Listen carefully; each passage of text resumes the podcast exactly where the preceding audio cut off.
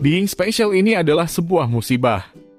Ketika kita merasa paling spesial di antara manusia lainnya, maka kita akan menuntut untuk diperlakukan spesial juga. Dan akhirnya membentuk kita menjadi orang yang menyebalkan. Kekecewaan pun akan sering timbul karena ekspektasi kita yang ingin diperlakukan spesial. Dalam masalah pengembangan diri, rasa spesial adalah sebuah kemunduran diri.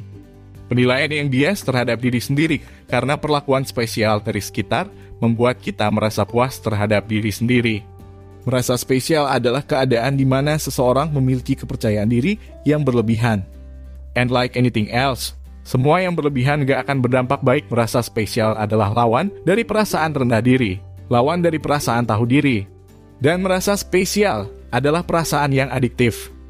Kita akan ingin lagi, lagi, dan lagi